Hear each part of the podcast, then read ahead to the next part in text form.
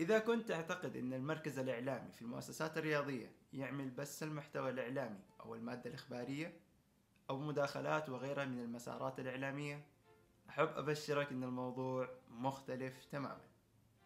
اليوم في كنة علاقات سنتحدث عن تجارة الزخم الرياضي. بين قوسين الزخم الإعلامي في المؤسسات الرياضية. هنا سطام هنا كنة علاقات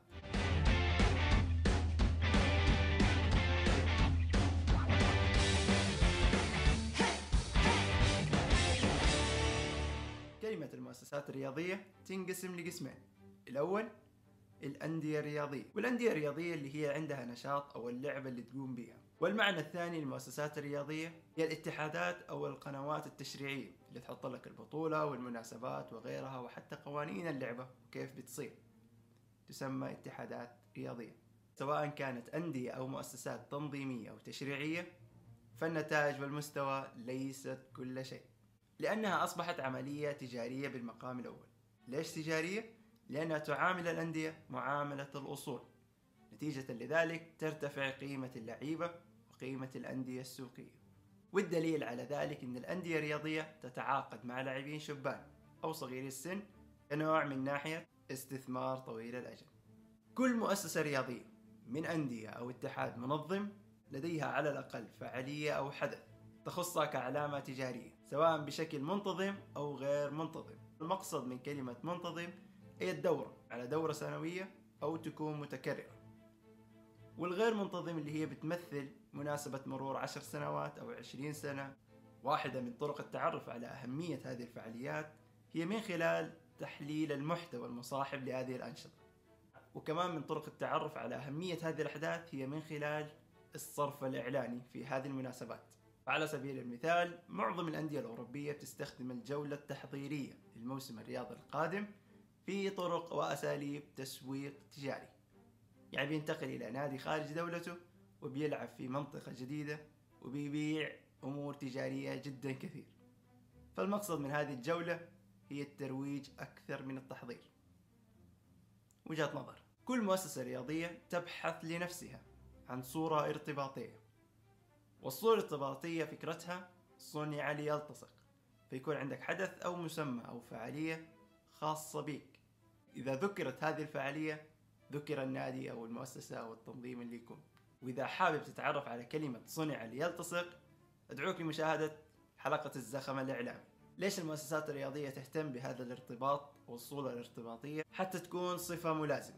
ومن أبرز المناسبات اللي بتصير في المؤسسات الرياضية بطولة السوبر بول والخاصة باتحاد ال NFL اللي هي الكرة الأمريكية. كذلك بطولة كأس العالم هي علامة تجارية خاصة لي مؤسسة الفيفا دوري أبطال أوروبا أو الدوري الأوروبي وهي علامة تجارية خاصة لي اتحاد كرة القدم في أوروبا أو ما يعرف بمسمى يويفا. في المملكة العربية السعودية عندنا كأس خادم الحرمين الشريفين المؤسسة التنظيمية اتحاد كرة القدم السعودي. والحدث الأبرز لرياضة المصارعة الحرة حدث الرسلمانيا لاتحاد إي. هذه المسميات أو هذه البطولات والأحداث علامات تجارية يعني ممكن تبيعها لأي نشاط أو اتحاد آخر. القاعدة تقول كلما كبرت المؤسسة الرياضية زاد الاهتمام من الجمهور زاد الزخم الإعلامي وزاد الصرف الإعلاني. في خمسة عناصر تشكل الدائرة التكاملية لمستخدمي المؤسسات الرياضية تجارة الزخم الإعلامي.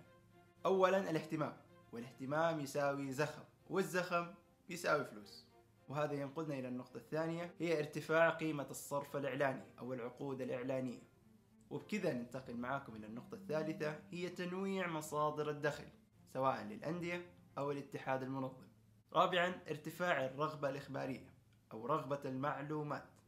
وصلنا معاكم إلى النقطة الخامسة وهي ارتفاع القاعدة الجماهيرية أو زيادة القاعدة الجماهيرية. وبالتالي عندما يزداد القاعدة الجماهيرية تزداد السمعة للحدث نأخذ على سبيل المثال نادي الاتحاد في فعاليته الخاصة 90 سنة أو 90 عام وهذا الزخم أعطى قيمة مالية. صارت في عقود خاصة لهذه الفعالية. رعاة خاصين بهذه الفعالية.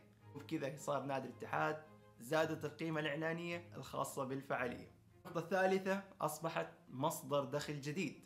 لنادي الاتحاد كونه أصبح عنده مناسبة أو فعالية غير اعتيادية أو غير متكررة معاهم كل سنة. فأصبح دخلها إضافي بالنسبة للنادي في ذلك الموسم. النقطة الرابعة وهي ارتفاع الرغبة الإخبارية. أصبحت المؤسسات الصحفية وغيرها يهتموا بهذا الحدث أو يكتب عنه كثير. النقطة الخامسة اللي ما يحتاجها نادي الاتحاد هي زيادة القاعدة الجماهيرية. ولكن أعطت إضافة لنادي الاتحاد من ناحية الترويج أو ارتفاع السمعة وزيادتها بالنسبة للمملكة أو بالنسبة للنادي الضيف اللي جاء مشاركة في هذه الفعالية. أهلا بيك عزيزي المشاهد في لوحة سامي. اتذكر خمسة يا سامي. أولا مستخدمين تجارة الزخم الرياضي هم أندية رياضية واتحادات تنظيمية أو تشريعية.